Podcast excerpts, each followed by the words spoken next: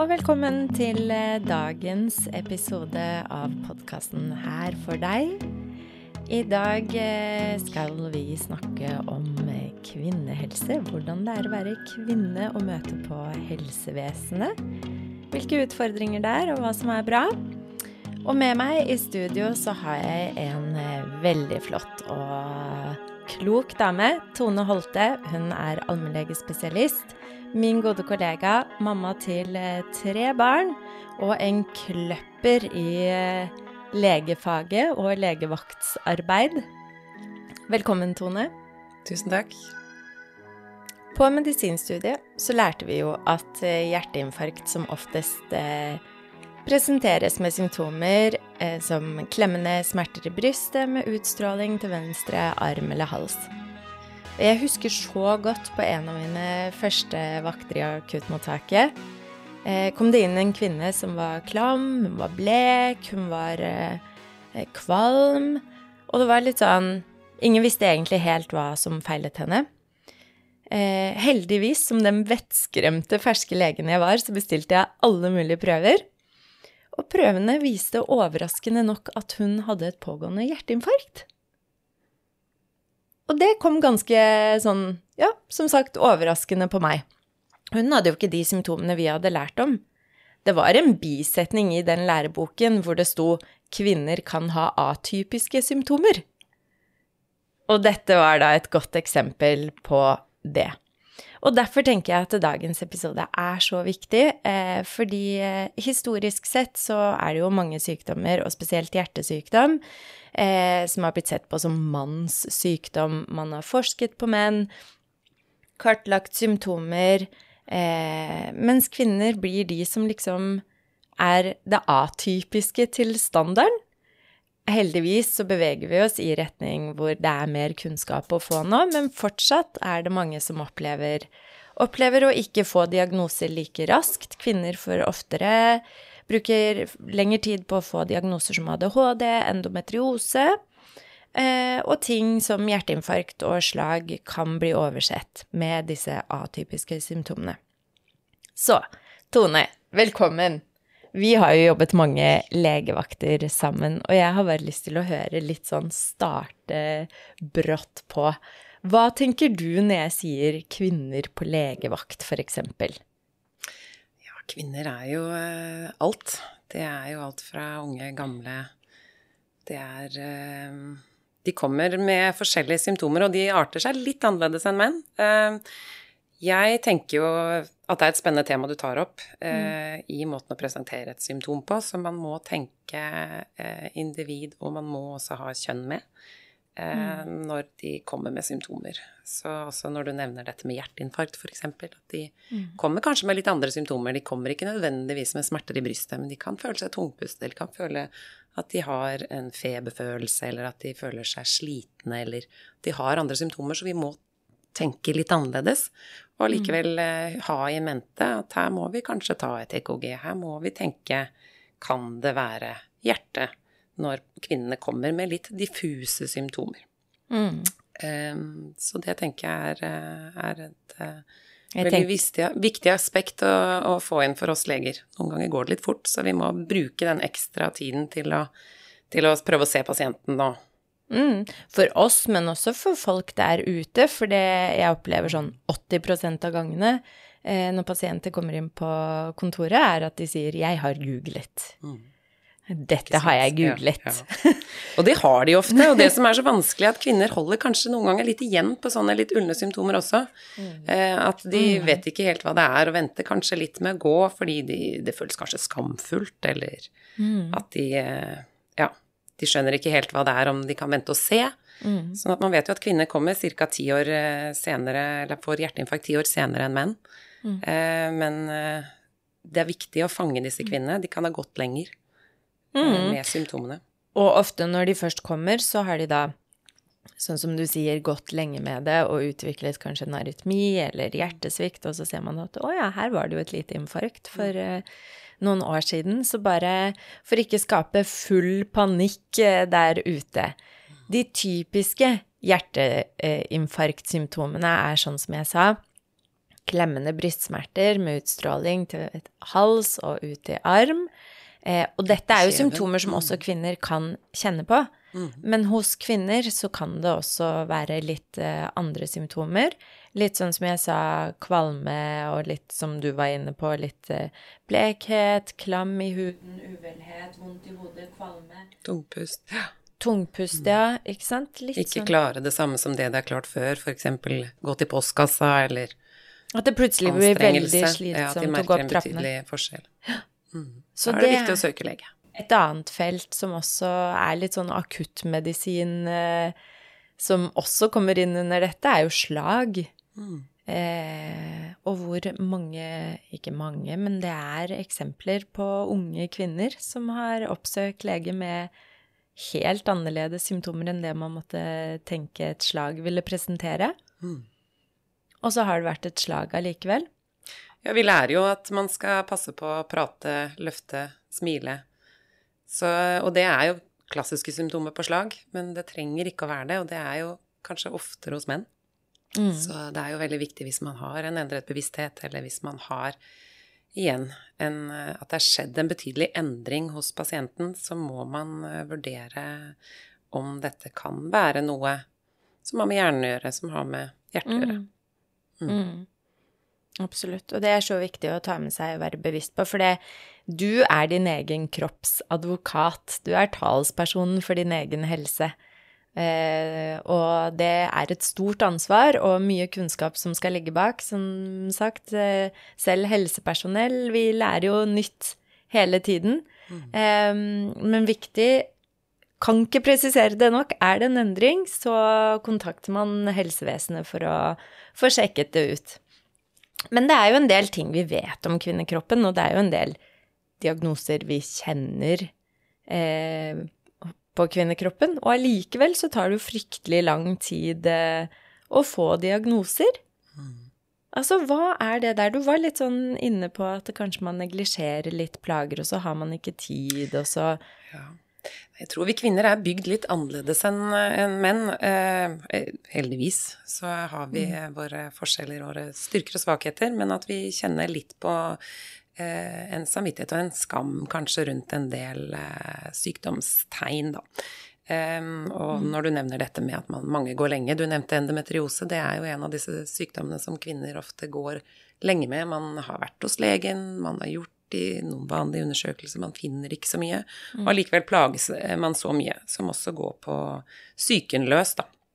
Sånn at jeg tenker at eh, det er viktig at vi leger er eh, på ballen og, og tenker eh, litt bredt. Eh, og kanskje litt annerledes når det kommer til kvinner enn eh, når det kommer til menn. Ja, for det går på psyken løs, og så er det en så stor skam i det også. Sånn mental helse og psykiske utfordringer og ehm, Ja, når, når det blir på en måte hovedsymptomet til egentlig en underliggende sykdom som har plaget deg i mange år, så blir det så stort og sammensatt, og da tar det så fryktelig lang tid å få orden på det òg. Man ser jo mer depresjon og mer angst hos kvinner enn hos menn, og det er jo, det er jo en økende tendens i samfunnet, også mer spiseforstyrrelser. Så eh, jeg tenker jo at dette skambegrepet, uten at vi skal gå for mye inn i det, er ganske viktig oppi dette her. Så, Ja, og hvor, men hvordan kan man plukke bort denne skammen, da? Hvordan skal, vi, hvordan skal kvinner der ute kjenne på at jeg kan gå til legen og si dette, og det er helt Ta plass, rett og slett. ja, hvordan skal pasienten gjøre det, eller kvinnene gjøre det? Eh, Jeg tror det er viktig å Kanskje man tar for seg et, eh, et, et ark og skriver ned symptomene sine. Se på hvor lenge, hva som er gjort. At man lager en oversikt. Det hadde jeg som lege syntes var fordelaktig. Og jeg Pasienten- elsker pasienter som kommer Pasienter som kommer med en litt sånn ryddig hva har vært gjort når, hvor lenge har det vart, beskrivelsen av smertebildet f.eks., eh, beskrivelsen av menstruasjon, vannlating, avføring, alle de tingene vi må spørre om, eh, er helt nydelig å få servert eh, på et ark. Eh, og at vi kan ta samtaler rundt dette for å gå i detaljnivå for å tenke hva kan dette dreie seg om. Mm. Så er det jo også det at mange ting er også vanlig. De kom, man presenterer jo også symptomer som er helt vanlige. Så vår jobb som leger er jo også å normalisere ting. Så det er vanlig å ha litt vondt når man har menstruasjon. Mm. Det er vanlig å ha muskelsmerter når man har stress. Mm. Og prøve å gå inn i det med stress og minske mm. belastningen sin. Hvordan man selv kan prøve å være kaptein i egen båt for å minske totalbelastningen sin. Gjøre noen små grep for å få store endringer på sikt. Mm. Så jeg er veldig opptatt av uh, å snakke med pasienten om det. At uh, jeg syns jeg har mange pasienter med muskel-skjelettlidelser. Mange som plages med nedstemthet, som plages med stressymptomer, utbrenthet. Det blir for mye uh, mm. å takle. Det gjør det, det gjør det. Og det er jo ikke så lenge vi har levd i et sånt samfunn vi har nå, hvor begge for, hvis man tar for seg familiehelse, da. Mm. Eh, småbarnsfamilier, familier med litt større barn. Eh, begge to er i full jobb. Mm. Eh, alt skal gå rundt, og ofte så har man flyttet et stykke bort fra besteforeldre, for sikkerhets skyld. Så man står alene i en eh, storby, kanskje i full jobb, og to eller tre barn som skal kjøres hit og dit, og alt av logistikk. Mm. Det tredje skiftet har det jo vært snakket mye om at kvinner har en sånn spesiell evne til å kunne planlegge og tenke logistikk. Menn er veldig gode på eh, selvfølgelig sine ting, de også, men når vi først snakker om kvinner, så er det det å aldri få hvile fra sitt eget hode, da. At man hele tiden går og tenker og planlegger og passer de støvlene. Nå er det meldt regn på torsdag. Og det er jo en sånn ekstra stressord eh, som henger over en. Det jeg opplever ofte på legekontoret, både på legekontoret og egentlig blant min venninnegjeng også. Eh, som du sier, ekstremt mye skam for å ikke få til alt. For samfunnet er liksom lagt opp til at du skal levere på så mange plan. Det er et prestasjonssamfunn. Eh, og jeg tenker at det er eh, Man er jo dømt til å mislykkes hvis man skal prestere på alle plan. Så jeg pleier egentlig å sammenligne oss som eh, Eller sitte med pasienter, eh, også prøver å ta den med meg hjem, at det å sammenligne oss med en elbil Eh, fordi man har bare en viss batterikapasitet. Og på noen tidspunkter i livet så har man ikke 100% man har 70 Og hvis man da tenker at man har 100 så brenner det batteriet. Og at man må stoppe å lade. Så hvis man klarer å akseptere at nå har jeg en begrenset kapasitet, mm. og prøver å stoppe å lade istedenfor å trykke ned gasspedalen, så kan man da mm. unngå kanskje å møte den veggen, eller klare å ressursfordele den kapasiteten man har. Åh, det var skikkelig fin sammenligning. Det er så viktig. Og jeg likte så godt det du sa midt inni der, at noen ganger så er normalen din å gå med 70 mm. Altså, vi, vi, skal være litt slitne iblant, for det er sånn kroppen henter seg inn, og det er Men at man også da er bevisst på det. Og også det med ladingen. Altså det med å stoppe mm. opp og finne noen rom jeg tror vi holder lenger hvis vi er flinke også til å fylle på med de tingene som gir oss noe, for man mister seg selv litt på veien hvis man hele tiden kjører på i det mm. hamsterhjulet som vi alle er i en periode, og i småbarnsperioden og mm. i arbeidslivet. Og denne var en som eh, sammenlignet livet litt med en eh, timeglass, hvor man starter utvidet, og så kommer man til et tidspunkt midt i mm. livet med småunger og alt som er, at man er på et smalt parti og alt er litt klemt og presset og slitsomt, og så mm. vier det seg ut etter hvert. Men jeg tenker at man må strebe litt, man må på en måte ta roret litt selv i den båten også, og prøve å vie ut det timeglasset, da. Mm. Og, og, lage noe som er bærekraftig i mm. hverdagen. Ja, for det, hvis ikke man gjør det Altså, man kan stå i vanvittig mye, men man kan ikke stå i veldig mye over lang tid. Det er én ting. Og en annen ting er hvis du står i det for lenge og ikke, ikke tar hensyn, ikke lytter innover. Du skal være mamma resten av livet. Det er ikke bare det året her eller neste frem til den deadlinen er møtt, eller frem til det prosjektet er landa.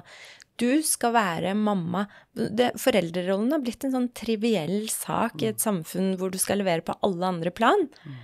Men, men, å se det store fugleperspektivet tror jeg også er viktig, sånn som med det timeglasset, blant annet.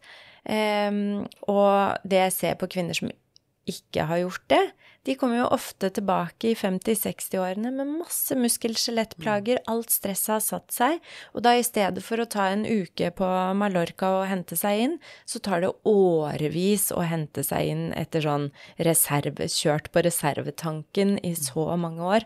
Så det er også litt sånn greit å være bevisst på det, de som har kjent på utbrenthet, og de som har kjent på denne berømte veggen, de er jo mye mer forsiktig eh, Heldigvis, tenker Heldigvis, jeg. Man vil ikke komme dit igjen. Nei, og det er jo målet å bremse før man kommer dit igjen.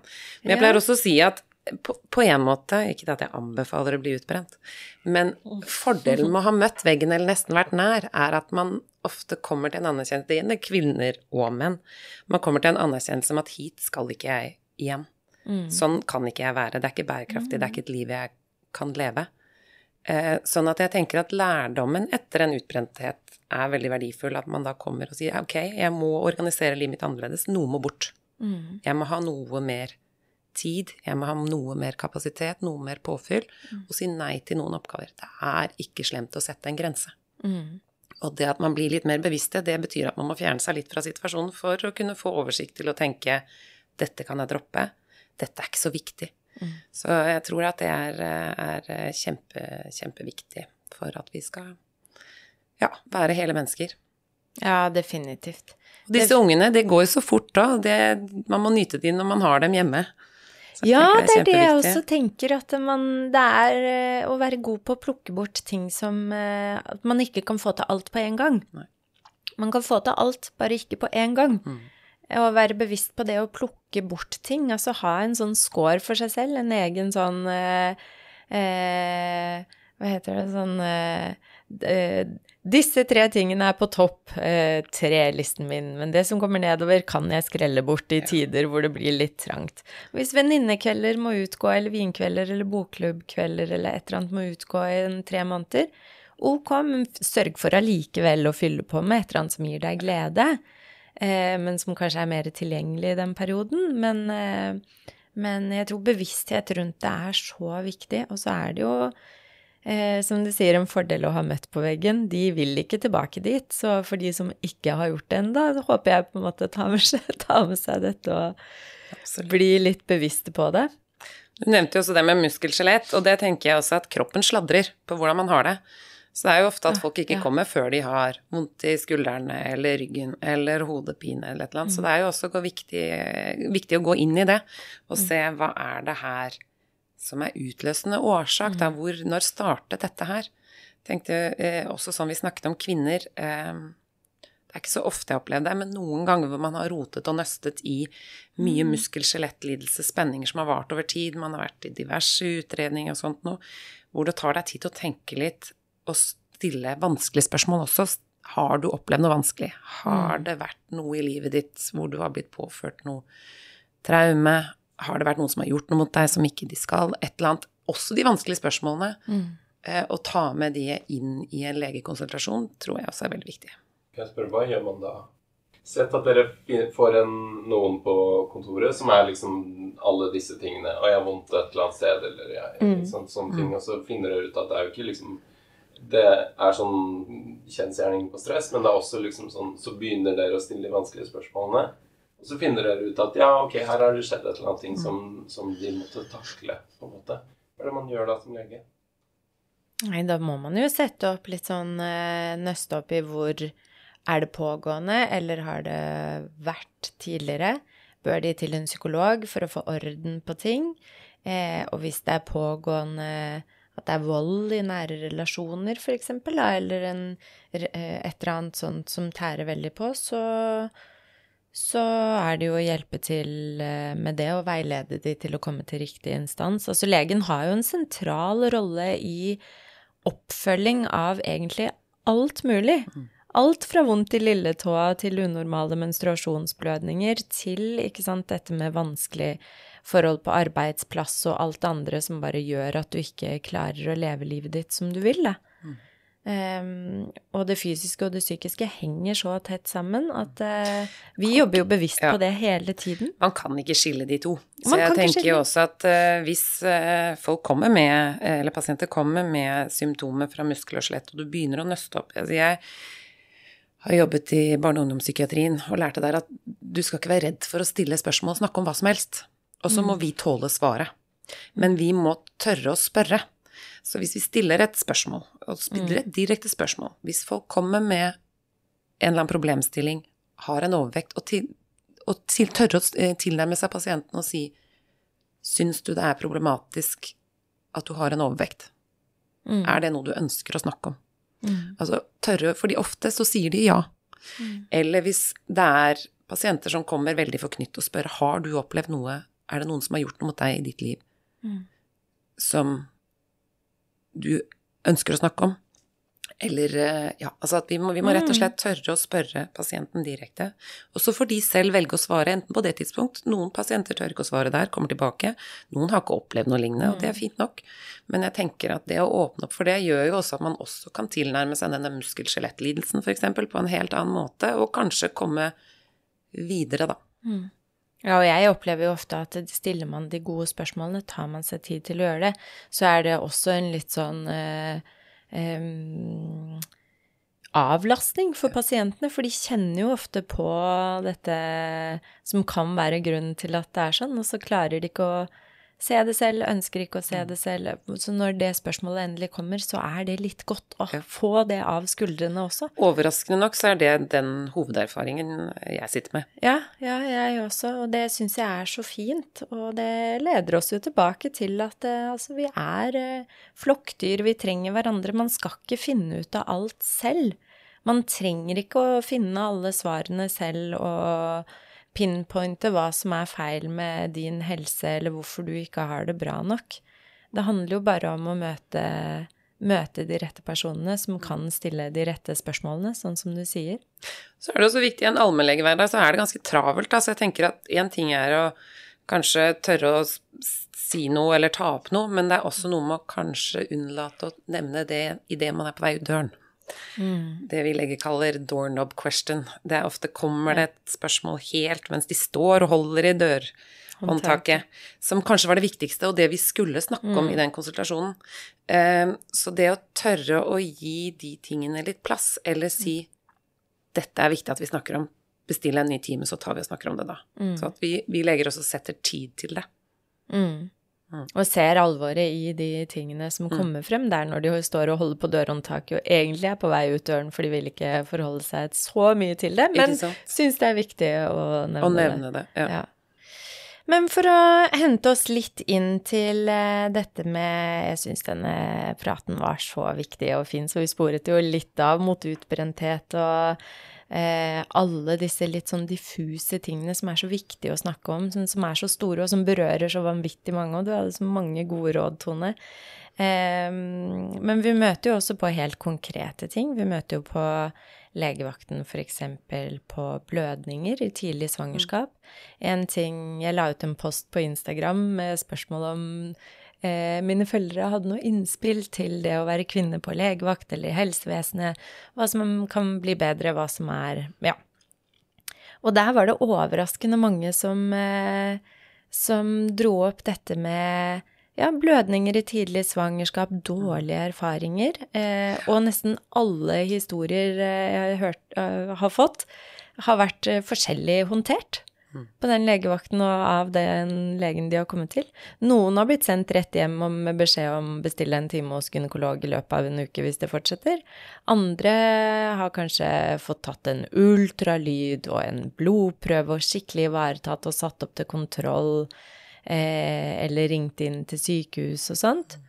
Eh, og her er jo selvfølgelig store ulikheter i, i blødningsmengde og litt sånn omkringliggende ting, men, men det at man har så store opple eh, forskjellige opplevelser, og at dette med blødninger hos kvinner håndteres så ulikt på legevakt, hvilke erfaringer har du med Ja, det? nei, jeg syns jo også det at uh, man er i en utrolig sårbar fase når man er eh, holder på å prøve å bli gravid, eller er blitt gravid.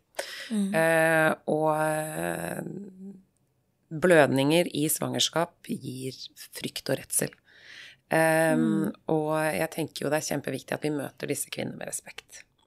Uh, og det er jo slik at en fjerdedel av de som har blødning tidlig i første trimester, altså de første tolv ukene, uh, de har, en fjerdedel av de har blødninger. Og ca. 50% av de er begynnelsen på en abort. Så man vet jo at eh, det kan være utfallet. Og det er jo det kvinnen frykter. Er at nå holder jeg på å abortere. Men det behøver heller ikke å være en abort. Det kan være en normalblødning i svangerskap og indusere frykt på det. Og så er det veldig vanskelig å sitte i legens stol òg, fordi vi vet ikke helt. Og fordi at eh, vi kan ta den blodprøven og ta og måle det vi kaller HCG, som er et hormon som utskilles fra morkaka.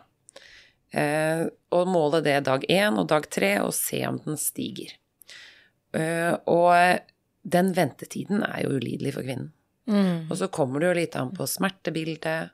Har kvinnen blødninger? Har de sterke smerter på den ene siden? Så må jo vi tenke hva kan dette dreie seg om? Kan det dreie seg om et svangerskap utenfor livmor? Eh, og eh, som jeg sier, en ultralyd Det er ikke alle steder man får gjort en ultralyd. Noen går til en gynekolog, får gjort en ultralyd. Men akkurat de første tolv ukene er det, kall det, lite vi kan gjøre for å bevare et svangerskap, eller som vi kan gjøre som en forskjell. Eh, men det kan gå bra, og det kan gå dårlig. Men jeg tenker måten vi møter disse kvin- kvinnene på, er eh, noe av det viktigste. Definitivt. Ja. Men For det er jo en enorm psykisk belastning. Kjempe. Kjempe. Og man er hormonelt også mer eh, skjør når man, har, eh, når man er gravid. Mm. Så eh, det er, det er uansett ikke en lett situasjon. Nei. Nei. Nei. Hva Så tenker det- du om disse Altså, hvordan møter du disse kvinnene? Nei, veldig, veldig Kjenner meg veldig igjen i det du sier, at det med den omtanken, ta seg tid og se virkelig at det, her handler det ikke om blødning eller ikke, det er ikke sort-hvitt. Her er det viktig å kartlegge hvor sårt er dette for deg, hvor mye støtte trenger du. Eh, ta de inn til kontroll hvis det er behov for det. Sørge for at de føler seg sett og ivaretatt med alle nyansene som kommer rundt det. Eh, og gjøre alt man kan for å tilrettelegge og følge opp eh, de som har de ekstra behovene, da. Og jeg tenker at graviditet er ikke en sykdom, men det er en belastning, tenker jeg litt. Man er, eh, man er heldig hvis man får lov å være gravid og, og få barn, men det er belastende Det er på kropp og sinn. Ja, det er det. Ja. Det er det en jobb. Ja. Du baker et barn. Ja, det er en jobb. virkelig. Ja. Sånn at jeg tenker at det er viktig at de får ekstra omsorg. Og man hører jo også dessverre litt sånn historier hvor pasienter har vært inne f.eks. hvis de har hatt en spontanabort, eh, og det har opplevdes voldsomt traumatisk for pasienten, og så har det ikke vært noe oppfølging etterpå. Mm. Um, Mm. For jeg tenker det er så viktig at disse kvinnene trenger samtaler i etterkant. De trenger å få stilt noen spørsmål, de trenger å få en sjekk Mm. uh, i forhold til om blødningen deres er normal eller ikke. At det er viktig at vi også um, ivaretar disse pasientene i etterkant. Mm. Informasjon. Vi har ofte litt for travelt. Pasientene utkonkurrerer oss ofte. Og jeg tenker at da mister vi den informasjonsflyten som vi bør, som pasientene fortjener. Mm. Eh, At eh, vi glemmer litt å informere dem om hva de kan forvente når de skal rekontakte og sette opp en kontrolltime et eller annet, eh, som hadde vært veldig ønskelig for pasienten. Mm. Jeg, jeg tenker jeg elsker jo legeyrket og alt som hører med, men er det noe som jeg tenker eh, som gir meg en vond følelse, en skikkelig kjip følelse, er nettopp det en hektisk legevakt hvor det må prioriteres, hvor jeg kjenner at jeg ikke har nok tid til akkurat sånne type ting eh, som egentlig er like viktig. Ja, og det tenker jeg også sikrer at pasienten ikke trenger kanskje rekontakten, at de har fått den informasjonen der og da. Investerer man der og da og gir den informasjonen, så har ikke pasienten de samme spørsmålene, lever ikke med den samme usikkerheten, de vet hva de skal gjøre hvis A eller B. Så i det lange løp tenker jeg det lønner seg, og så får man jo se, det er jo en annen diskusjon hvordan man skal legge opp helsevesenet, men eh, Ja, den skal vi ikke ta her. Den skal vi heldigvis ikke ta her. Men det vi har tatt her Nå ser jeg tiden renner litt eh, fra oss. Jeg vet at eh, vi kunne sittet og snakket en evighet om eh, dette, Tone. Eh, og vi har jo en annen episode allerede som vi holder på å planlegge, om et viktig organ som egentlig både kvinner og menn har. Skal jeg la henge litt der ute, så våre lyttere kan bli litt nysgjerrig. Men den kommer. Mm, og så har jeg bare lyst til å avrunde denne episoden med å takke for en eh, kjempefin prat. Eh, og oppsummere det. Ja, hvordan skal vi oppsummere denne episoden her, Tone? Det var så mange fine Nei, jeg vet ikke. Jeg tenker jo at eh, det er viktig at vi leger er litt obs på at kvinner og menn er forskjellige. Det er, eh, det er litt lite forskning på kvinnekroppen, og når kvinner presenterer et symptom hvor de merker et fall i funksjon som er unormalt, så må vi tenke litt utenfor boksen. Eh, ja. utenfor boksen. Ja. Det liker jeg godt. Veldig bra. Eh, og så vil vi gjerne takke alle dere som har lyttet eh, i dag, og håper eh, vi høres neste uke. Og takk til Tone for en fin prat.